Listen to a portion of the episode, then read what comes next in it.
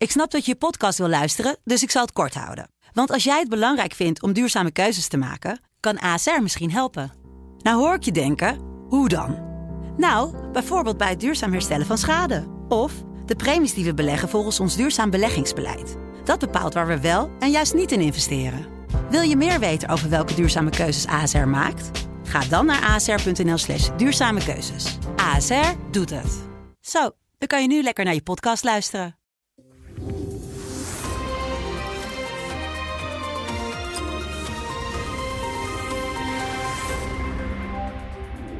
Welkom bij het gesprek met Paul Jansen, de hoofdredacteur van de Telegraaf, waar we wekelijks bespreken wat hem bezighoudt in het nieuws.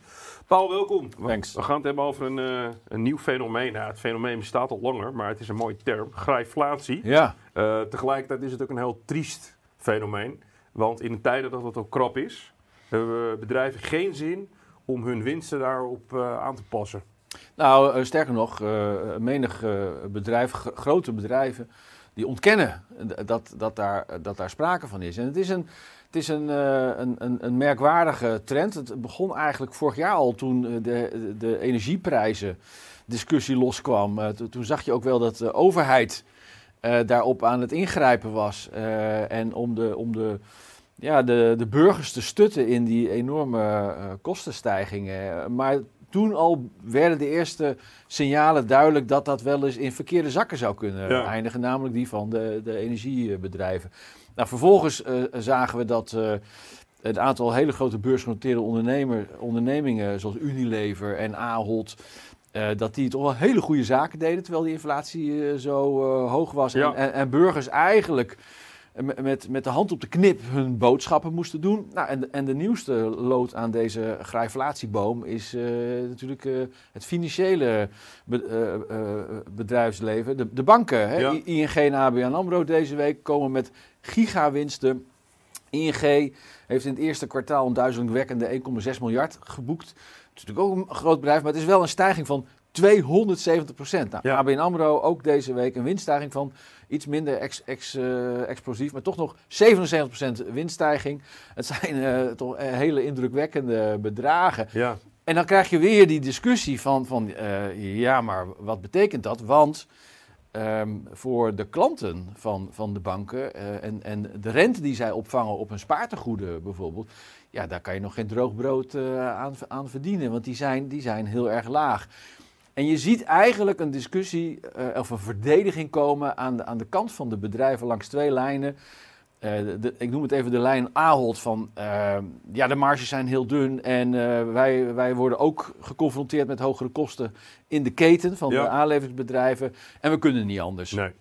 Ehm, eh, ABN AMRO heeft deze week een iets, eh, iets andere, iets bottere koers, eh, zou je kunnen zeggen. Eigenlijk wel een beetje ook een middelvinger naar de, naar de eigen klanten. Die heeft gewoon gezegd van ja, eh, luister, eh, wij, zien wij zien onze klanten nog niet weglopen. Er zijn banken die betalen inmiddels een, een hogere spaarrente. Ja, en als de klanten gaan weglopen, dan gaan wij misschien wel verhogen. Ja. Maar ik zie op dit moment geen aanleiding. nee, want waar moeten we heen lopen dan? Als we toch een bank Er zijn, gebruiken? er, zijn kleine, er zijn kleinere banken eh, die, eh, die wel met een hogere rente werken.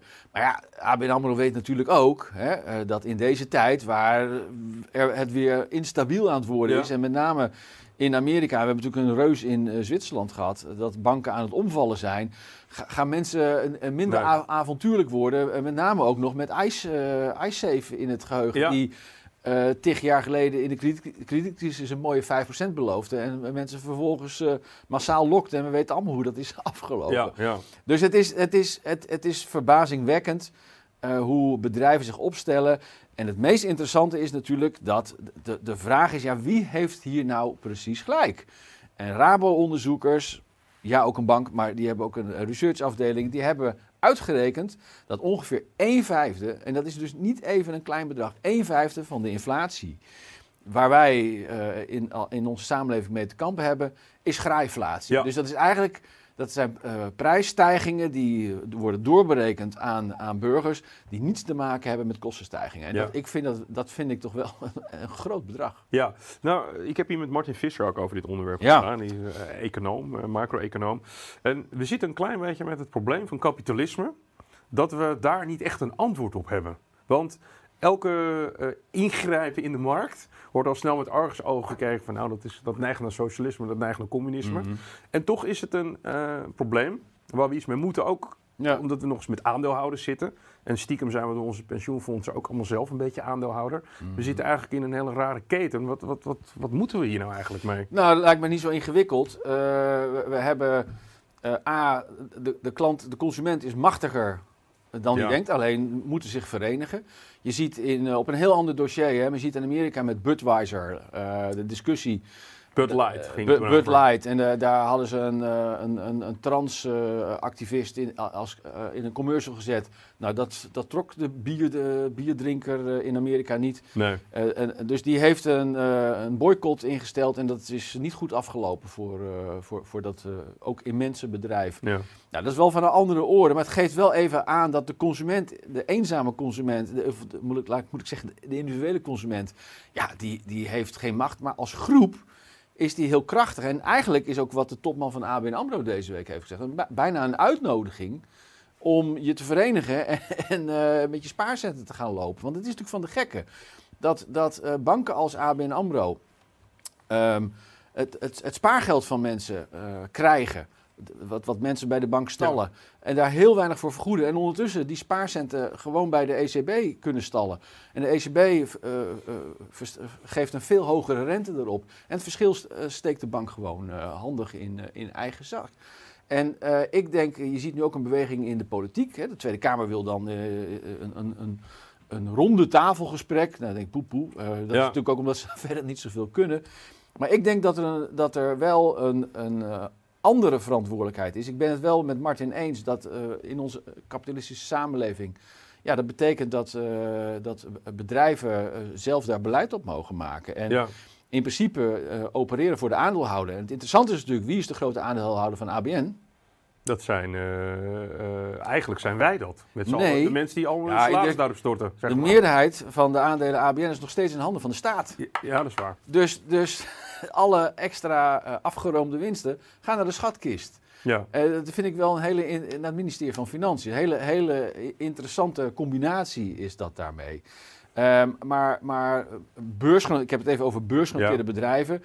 Die hebben natuurlijk primair verantwoordelijkheid naar hun eigenaren, de aandeelhouders. Ja. Nou, en die zitten inderdaad in het pensioenfonds, et cetera. Maar er is ook nog iets anders. En daar hebben al die bedrijven, van Ahold tot ABN en noem ze allemaal maar op, zelf eh, een hele grote broek aangetrokken. En dat heet maatschappelijk verantwoord ondernemen. Ja. Ik lees even voor wat ABN AMRO daaronder verstaat en, en daar zelf over op de website eh, schrijft. ABN AMRO wil als bank een centrale plek in de maatschappij innemen. Dat betekent dat wij dicht bij onze klanten staan op belangrijke momenten. Wij vinden het belangrijk om bij te dragen aan een schone, sociale en inclusieve samenleving voor iedereen. Ja. Dus ook een sociale. Eh, ING heeft het over maatschappelijk verantwoord ondernemen zit in ons DNA. Nou, en als je dan, als je dan in de praktijk kijkt, hè, want het zijn natuurlijk allemaal hele, hele eh, beetje hippe eh, teksten en, en ook de, de verslagen die ze daarmee maken, gaat het heel erg over klimaat en inclusie. Ja. Dat is, al, dat is allemaal heel hep. Maar je ziet hier eh, dat, dat diezelfde grote bedrijven ondertussen de klanten gewoon vergeten. Ja. En ik vind als jij ehm, in de mond, met de mond beleidt dat je maatschappelijk verantwoord onderneemt, put your money where your mouth is. Ja. Ik vind dit hè, dus een, een, een maatschappij die kampt met hele hoge inflatie, waar burgers. ehm, Koopkracht door achteruit gaat. en zeker aan de onderkant van de samenleving, mensen die de, de eindjes moeilijk aan elkaar kunnen knopen, het heel lastig hebben. En jij verhoogt die prijzen gemiddeld genomen hoger dan noodzakelijk is door kostenstijgingen. En je hebt, je hebt de mond vol over maatschappelijk verantwoord ondernemen. Kom dan in actie en doe er wat aan. En, Ja. en ik vind dat ze daar zelf, daar hebben ze de politiek niet voor nodig. Daar zouden ze ook eigenlijk geen consumenten of klanten voor nodig moeten hebben. Die met de voeten stemmen en gewoon weglopen naar, naar de concurrent of naar een andere bank of verzin het allemaal maar.